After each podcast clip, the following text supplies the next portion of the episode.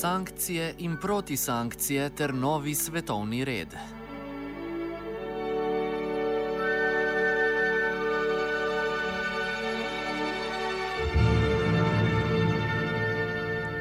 Rusija je dva dni nazaj izdala prehrambeni embargo, ki bo enem letu državam Evropske unije, Združenim državam Amerike, Japonske in Avstralije onemogočal uvoz živil.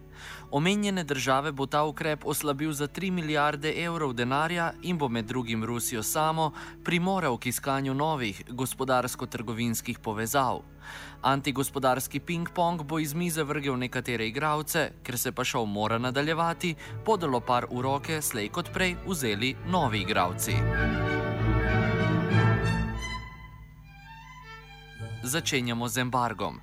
Letega bo, čut, bo čutila tudi Poljska. Na kak način in kaj to za njo pomeni, smo spregovorili z Bartošem Vjelinskim, novinarjem iz Varšave, ki nam pove več o vplivu embarga na polsko prehrambeno industrijo. Well, that's going to be a problem for us. It's going to be a problem. Uh, it's uh, too early to say how serious it's going to be. But uh, for last, you know, six, seven years, uh, Russia become a major market for our agricultural products. Uh, I mean, meat, milk, and fruits. Well, it's uh, kind of funny that Russia is know, a large country with uh, great soil and is unable to, to, to produce enough food, enough food of good quality to, to feed uh, Russian people and have to import it. And uh, Polish products, agricultural products, are renowned to to be uh, very good quality-wise, and there are some modern technology used here uh, to produce it uh, without use of many chemicals and this kind of you know ecological bio uh, production. So we found Russia as a you know good consumer, good customer, and uh, you know it was about uh, 300 million of euro yearly income uh, from from selling Russia fruits, meat, and milk.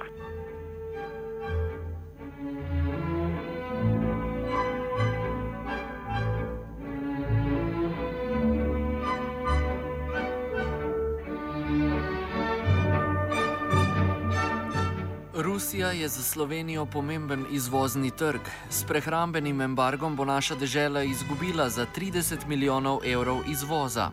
Več o neposrednem in posrednem vplivu embarga na Slovenijo smo spregovorili z Goranom Novkovičem iz Slovenske gospodarske zbornice. No, zdaj, uh, situacija je takšna, da bo uh, to zelo velik udarec za Evropsko unijo, o tem ni nobenega dvoma, kar se tiče prehrambne industrije v Sloveniji teh 30 milijonov uh, približna ocena izvoza v Rusijo, kar ne pomeni, da bomo vse izgubili. Uh, Obstajajo uh, določeni segmenti, ki niso zajeti v embargo, obstajajo tudi določene poti, verjetno, ker imajo nekatera podjetja, tudi podjetja, naša podjetja, podjetja v Bosni, pa v Srbiji in tako naprej, kjer se bo lahko tudi nekaj izvozilo prek uh, teh držav.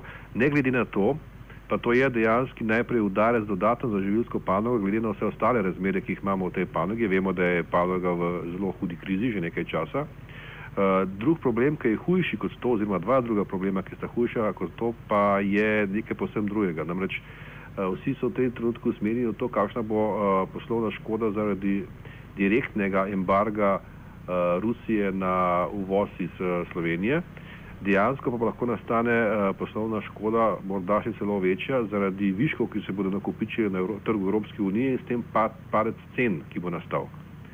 Zlasti pri mleku in mlečnih izdelkih ter mesu. Skratka, lahko pričakujemo še drugi negativni efekt pri zaslužku teh podjetij, kar pomeni seveda dodatne težave. Uh, drugi takšen uh, posredno učink pa lahko nastane, okoliko se bo trgovinska vojna še zaostrila. Tu pa Slovenija je tudi direktno bistveno bolj ranljiva, kot na nek način uh, prikazujejo, uh, kot je nek način v percepciji ljudi. Namreč uh, bom zelo enostavno uh, uprizoril. Vsi se spomnimo zelo močnih gospodarskih vezi med Nemčijo in Rusijo, ki so se skali v zadnjem desetletju ali pa še malce dlje. In vsi imajo v glavi na nek način, kako sta Rusija in Nemčija gospodarsko povezani. Vendar delež nemškega izvoza v Rusijo, celoten nemški izvoz je manjši kot delež slovenskega izvoza v Rusijo v celotnem slovenskem izvozu. kar pomeni, da smo mi dejansko bistveno bolj vezani na ruski trg direktno v celoti kot pa Nemci. Širše šir, širjenje trgovinske vojne med Evropsko unijo ali pa še širšim svetom in Rusijo nam je zelo, zelo v negativno luč lahko spravi krepak dela gospodarstva. Prelomnica celotne zgodbe, ki v zadnjih ki je v zadnjih dneh pripeljala do sankcij Evropske unije, ZDA, Avstralije, Japonske in nekaterih drugih držav do Rusije, je 21. november 2013, ko so ukrajinski protestniki prvič zauzeli osrednji kijevski trg. Glavni razlog za proteste je sprožila vlada padlega predsednika Viktorja Janukoviča, ki se je, raje kot za približevanje Mačehovski Evropski uniji, odločil za tesnejše vezi z Rusijo. Prvotne mirne demonstracije so se kmalo razširile po vsej Ukrajini in se prelevile v bolj nasilno obliko. Zahteve po odstopu skorumpiranega predsednika Janukoviča in razpisu predčasnih volitev je na drugi strani počgalo drugo stran k mobilizaciji, ki se je še okrepila, ko je nova začasna oblast preklicala zakon o uradnih jezikih iz leta 2012. Ta je določal, da se katerikoli neukrajinski jezik na območju, kjer ga govori vsaj 10 odstotkov prebivalstva, privzame za uradnega. Seveda je ta zaletal ukrep, ki sicer na koncu ni bil implementiran, sprožil pri prebivalstvu ruske narodnosti še večji srd. Zadeve so se potem razvijale precej hitro. Avtonomna republika Krim je bila po referendumu skoraj čez noč priključena Rusiji in podobne težnje so postajale vse bolj glasne v drugih, pretežno ruskih predeljih vzhodne Ukrajine. Tako je bilo vsaj sklepati iz največjih evropskih in ameriških medijev. Vendar se na tej točki novinar dela Boris Čibej ne strinja. Pravi, da se za upornike iz vzhoda Ukrajine napačno uporablja naziv separatisti. Jaz se striktno držim izraza upornik. Uh, ker se pravim, separatisti bi bili, če bi se res zauzemali za priključitev k Rusiji, ampak tega, tega v nasprotju s Krimom v, v Donbasu ni bilo slišati uh, uh, za res. Bilo, bilo je samo to, pač, da hoteli so več avtonomije, mislim, videli so, da se stvari dogajajo v Kijevu, mimo njih, medtem ko so oni pač nekako normalno živeli in delali. Um, In so pač tudi oni, mislim, ne, pač tako ne gre. Ne, ne morete vi zdaj, konc koncev, so Janukoviča, je, ga, je, ni, ga je cela država izvolila, ga je izvolila z večino, je premagal plinsko princeso oziroma oranžno princeso na volitvah. In potem, ko so ga, ko so ga, ko so naredili državni prevrat, je nekaterim ljudem zavrelo. Saj to ni bilo tako blazno, množično, ampak z vsako raketo, ki preleti zdaj, z vsako granato, ki preleti, ja se pač se tudi spreminja, kako bi človek rekel, razmišljanje tistih ljudi tam. Ne? Ko kar naenkrat vidijo, da jih pač uh, ukrajinski mediji oblasti imenujejo za teroriste, da tolpejo po njih. Da, Zahod, ki je prej tako jokal, wow, wow, kaj se je dogajalo v Kijevu, zdaj jih niti ne pogleda. In kar nekaj pač so pogledali, da so untermenši, ne? mislim, enostavno. Smrt tih, eh, nekoga na vzhodu Ukrajine pač nekako ni tako pomembna, ker so pač to neki čudni mali možici, ki bi radi v, v, v Rusijo šli. nekako tako, ne? jih mi predstavljamo tukaj na zahodu. Že vse čas pa ni šlo zgolj za konflikt znotraj Ukrajine, ampak je imel spor širše geopolitične razsežnosti. Na eni strani seveda Rusija, ki podpira upornike, na drugi Združene države Amerike, Evropska unija, Japonska in nekatere druge države, ki z argumentom, da mora Ukrajina ostati v mejah, ki so že začrtane, podpira oblast v Kijevu.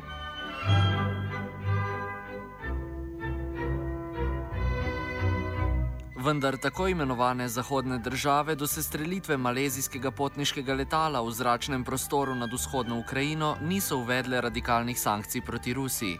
Kijevu so sicer pomagale, vendar je bila šele zrušitev potniškega letala točka, ko je Evropska unija resno postrila sankcije proti Rusiji. Preden o leteh konkretno spregovorimo, prisluhnimo skepsi Borisa Čibeja do dokazov, ki upornike na vzhodu države bremenijo sestrelitve.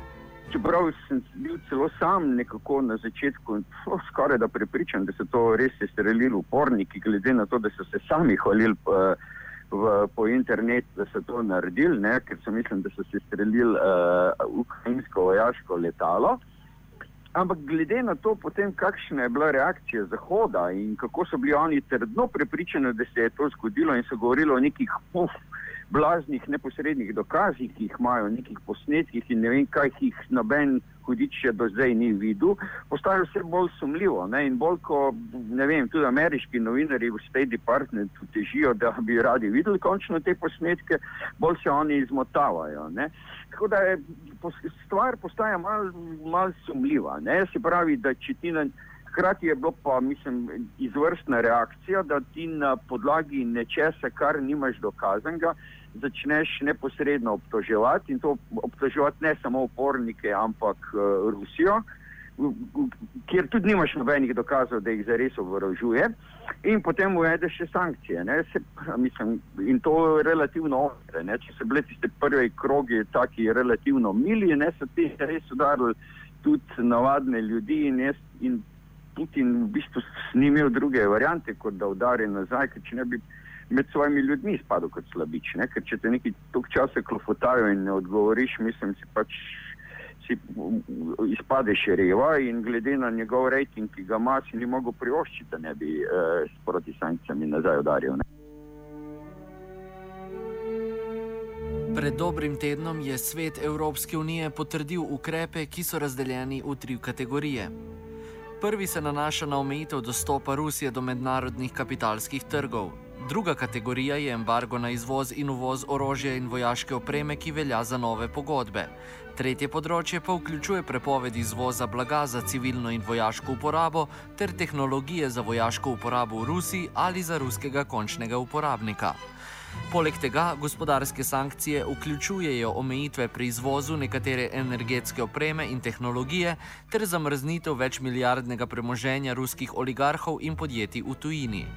Po grobih ocenah naj bi sankcije do konca tekočega leta Rusiji povzročile 25 milijard evrov gospodarske škode. Ocene so sicer optimistične in ne omenjajo možnosti alternativnih konsolidacij ruskega gospodarstva. Rusija se namreč že nekaj časa povezuje z državami, ki so svojo organizacijo poimenovale po lastnih inicijalkah. To so Brazilija, Rusija, Indija, Kitajska in Južna Afrika oziroma BRICS.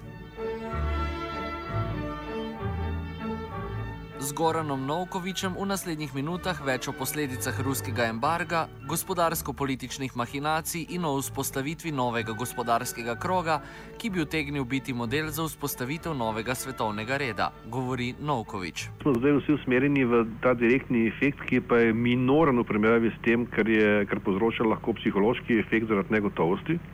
In tudi zaradi dodatnega, dodatnega stopnjevanja sankcij. Skratka, Eh, zadeva je za gospodarstvo zelo, zelo, zelo problematična. Dejstvo pa je, ne, da imamo uh, pri tem seveda optimistični in pesimistični scenarij. Pesimistični scenarij oziroma je, uh, pesimistični pogled je ta, da je ukrajinska kriza zelo zapletena in je vprašanje, kako se bo razvozlala. Optimistični scenarij pa je ta, da, kar je slutiti tudi v nekaterih izjavah, da se seveda vsi zavedajo, intenzivne medsebojne gospodarske povezave, saj upamo tako, sodeč po izjavah, tudi Dimitrij Medvedjev je dajal na eni strani eh, možnost eh, celo, da se prej odpravi embargo, na drugi strani pa se eh, seveda zaostroval in zažlal celo z nekaterimi ukrepi pri letalskih prevozih in tako naprej. Skratka, to kaže na to, da dejansko oboji puščajo možnosti v obe smeri.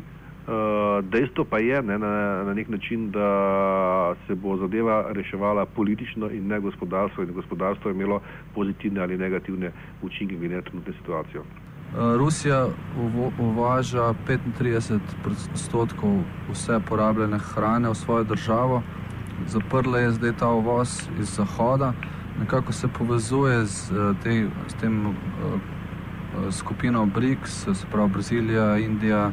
Kitajska, Južna Afrika.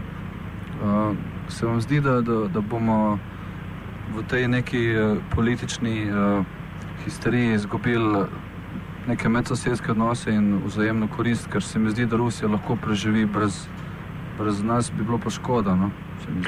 No, to ste zelo dobro opazili. Ne? Dogaja se zelo, zelo intenzivno prestrukturiranje povezav političnih in gospodarskih. Namreč, uh, Prva zadeva, ni slučaj, ni na ključje, da je Rusija izbrala ravno kmetijstvo oziroma prehrambno industrijo za, uh, za predmet embarga. Ko ste sami opazili na začetku, je uh, za Evropo to kar močan udarec, glede na to, da je Rusija drugi največji izvozni trg, tako za družimi državami, ko gre za evropsko prehrambno industrijo. Uh, ampak bolj pomemben je interni vidik, namreč uh, rusko prehrambno uh, gospodarstvo ima tudi znotraj sebe velike težave in Rusija seveda s tem dosega drug efekt, da bo predvsej večja poraba domačega domače hrane, kar pomeni seveda, da, da je s tem omogočila boljšo situacijo domačim podjetjem, mogoče več delovnih mest, kar bo nekoliko umililo morebitni revolt ruskih kupcev, ker bodo šle pa cene verjetno v Rusiji nekoliko gor, ne, na zgor.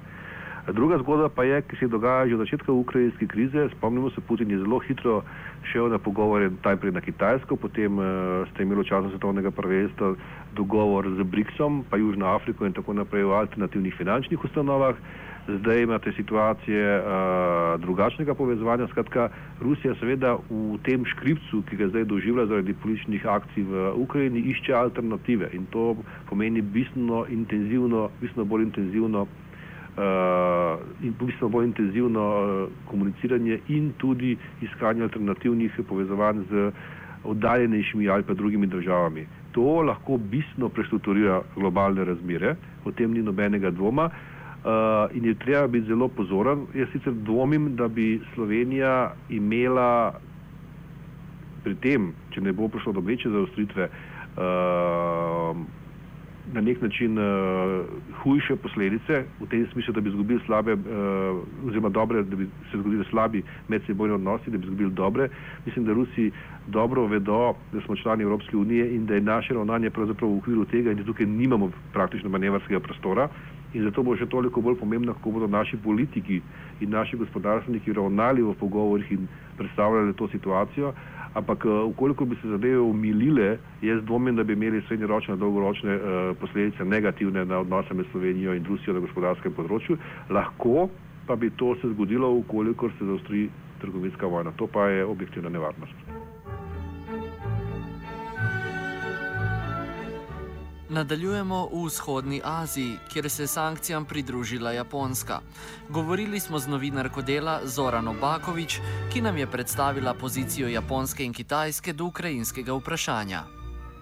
Moramo uh, imeti na umu, da so uh, v ovome, uh, ako, ako zapravo prihvatimo, da je već obnovljen neka vrsta hladnog rata, onda imamo države koje su na suprotnim stranama, posebno recimo Kina i Japan. Uh, Japan je bio uh, među državama Azije koji su najavili da će uh, uvesti sankcije, odnosno poštovati rezoluciju o sankcijama protiv Rusije. Međutim, nije baš bio pretjerano sretan počinjati ih istinski provesti zbog toga što Japan ima svoju politiku koja, odnosno strategiju koja bi trebala voditi povraćaju teritorija koje je bivši Sovjetski savez e, nakon drugog svjetskog rata uzeo od Japana. Prema tome oni ne bi sada htjeli zatezati odnose sa Rusijom, tim prije što je Rusija za Japan jedno vrlo važno e, e, izvor energije, vrlo važno tržište za njihove robe i zbog toga zapravo sa tim izjavama da će poštovati sankcije više žele udovoljiti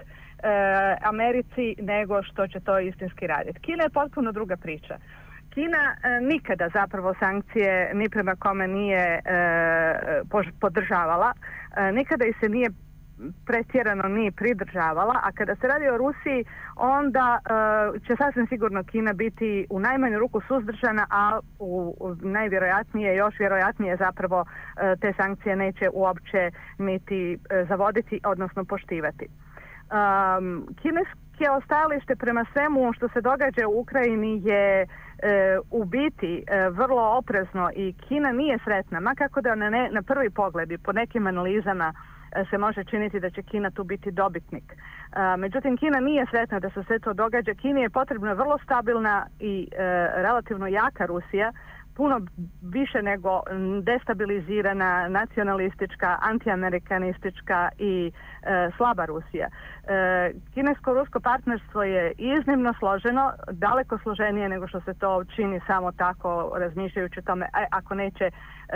se Rusija otvoriti prema Europi ili ako će zatvoriti tržište za Europu, onda će to biti prilika za Kinu um, daleko složenije nego to. Treba, treba imati na umu da su to, to dvije divovske zemlje koje dijele preko 4000 kilometara granice i koje nikada u povijesti nisu imale lagani odnos i to njihovo veliko prijateljstvo ni ovaj puta neće zapravo e, puno profitirati samo od toga što se e, Zapad i Rusija e, spostavljaju u konfrontaciju.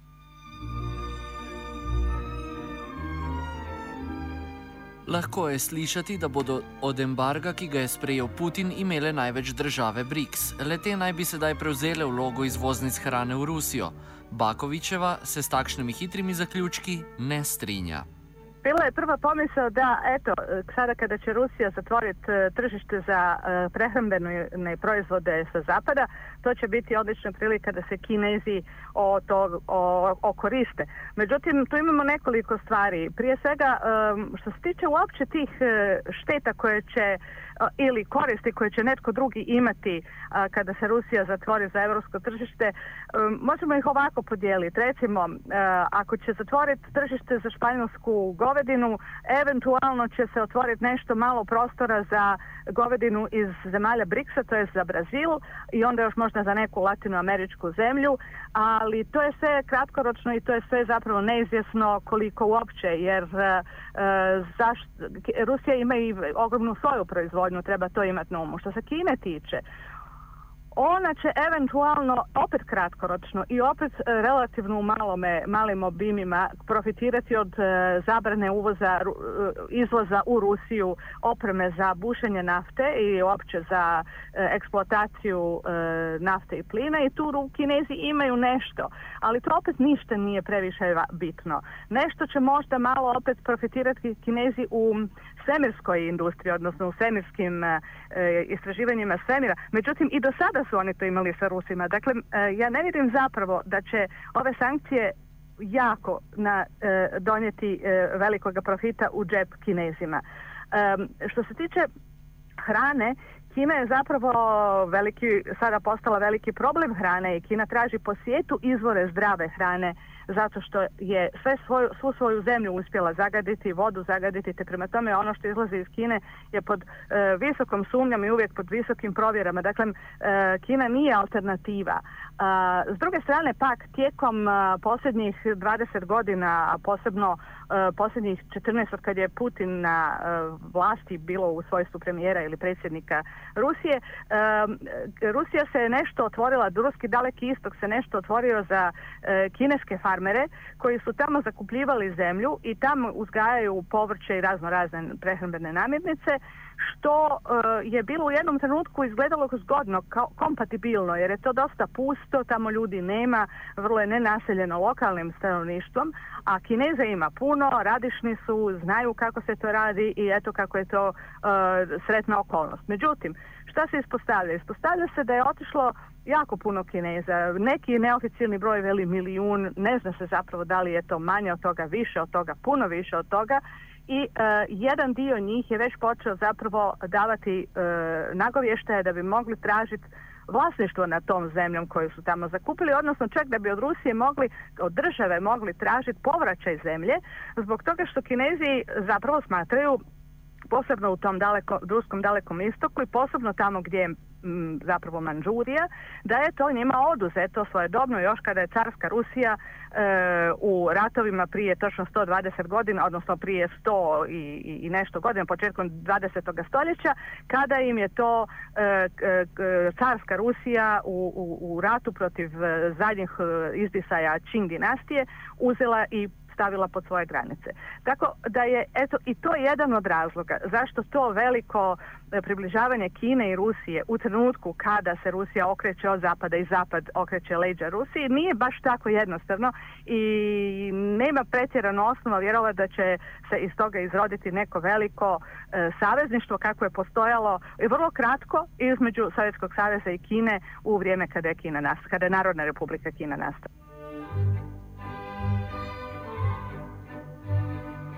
Za konec poslušajmo še dve izjavi novinarja Čibeja. Začenjamo z njegovim čudenjem nad puhoglavo zunanjo politiko Evropske unije, ki nima prav nikakršne resne ideje o tem, kako situacijo svetovnih razsežnosti ukrotiti. Meni je to, kar mi je pri tej zadevi, mislim, nekako mučno, ne? ker ni prijetno živeti nekje tukaj na predpražniku te vojne, ki se sprevrača v resno vojno, ki lahko postane celo svetovna, ne samo regionalna. Um, glede na to, kako se vsi ti osli, ki smo jih izvolili ali pa ne izvolili, obnašajo. Mislim, jaz tukaj, gledajte, ameriške interese čisto razumem. Uh, zakaj jim je tukaj čisto všeč, da se, da se mi butamo z Rusijo, uh, ker pač, kjer se prepirate, dva, tretji dobiček ima. Ne? Ne razumem pa Evrope. Mislim, to je pa tisto, kar mi je zagonetka. Ne? In uh, to, da v nasprotju s svojimi lastnimi interesi to počne in da podlagi izjemno nekih čudnih dokazov, ki če sploh so. Ne? In uh, tega pa res ne razumem. Ker pogledajte, ko, je, ko, se, ko se je začela, kaj pa vem, vojna proti Iraku. Ne? So tudi takrat so američani imeli vse dokaze. Vse se spomnimo, ne? kako imajo iračani eh, orožje za množično uničevanje in podobno. In podobno Ampak takrat se je nekako zdelo, da v, Evro, v Evropi še nek razum. Ne? Takrat je bila še neka stara Evropa, pa nova Evropa.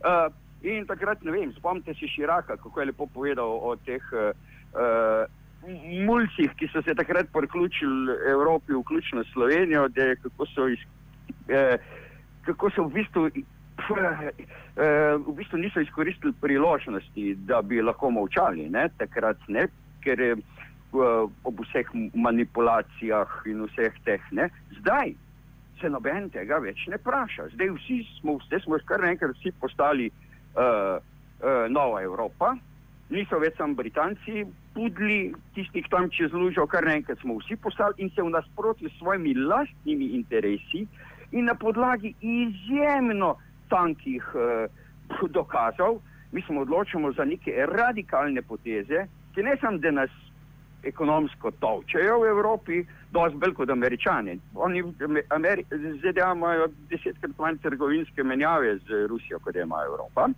Uh, in, uh, in američani imajo svoj plin. Mene pa zanima, kako bodo evropejci vem, po zimi uh, utemeljali svoje politične poglede na Rusijo, ko bo treba, ne vem, kurt z drvami ali s čim. Ne?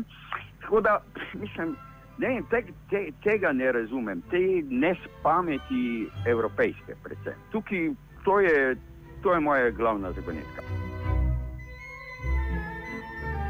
Zaključujemo pa s farzičnostjo, ki jo Čibej prepoznava v svetovnih igricah velikih voditeljev držav, označenih s pridevnikom demokratične. Najbolj smešno od vsega skupaj pa je to, ne, da kako smo se v bistvu, ko se je cel svet ulovil v neko geostrateško igrico z neko državo, ki pff, dejansko ne obstaja. Saj uh, ekonomsko ne več, zdaj pa, ko bodo Rusi udarili še za res sankcijami, ker je njihova jezena, bo še hujš, porablja nekog za vojno, Uh, in, uh, in, in, in, in zdaj si bo Zahod naprtil, mislim, že tako, če bi brez vojne jo nekako vzel pod svoje okrilje državo, ki, je, ki je živela dobesedno od, od subvencij uh, Rusije zad, od, od, od, po razpadu Sovjetske zveze, ker konec koncev tudi ta Donbass, o katerem zdaj govorijo. Da so tam laufali rudniki, da je šlo vse to, je bilo to na račun izjemno poceni eh, ruske energije, ki so jo dobivali. Jo? Če bi mi v Sloveniji tak, dobivali po taki ceni ruski plin, kot je Ukrajina prej dobivala, pa pogledajte, postanemo čez noč konkurenčno sposobni. Uh, da, in, se, in se je cel svet ulovil v neko igrico nekih umazanih oligarhičnih poslov, ker Ukrajina, bože mili, če govorimo o Rusiji, da je korumpirana, potem je ta ne na kvadrat, ampak na kubik. Uh, Mislim, od, poglejte, od, od vsega, od parlamentarnih volitev njihovih, od tega, pa, pa konc koncev so vsi ti, ki so zdaj kao opozicija, pa vsi ti veliki, ki so bili, pa se to je vse zlezlo iz izga gnezda, iz kučme, Leonid Kučma, pa od Porošenka, ki je financiran go, o, o, celo Janukovičevo partijo, Janukovič, Juščenko. Uh, mil, prve milijarde dolarjev je zaslužila plinska princesa, ko je bila še del uh, režima Kučme. Poglejte, to, je, to, so, to so neki, neki, neke nore kapitalske igrice, ki si jih oni igrajo in mi, in mi cel svet pade na to in potem pa govorimo o nekih velikih demokracijah, v željah ljudstva, v priključitvi Evropi.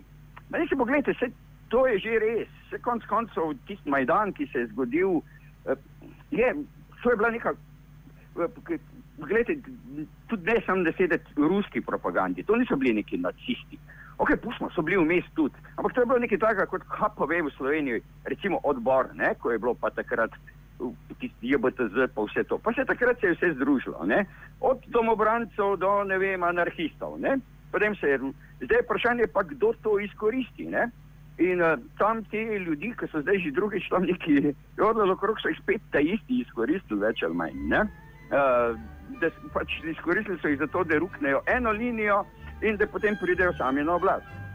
Zdaj pa, a, a je to pa karkoli pomenilo za transparentnost oblasti, prenehanje korupcije ali pa karkoli, to pa mislim, dajte no. Dajte no.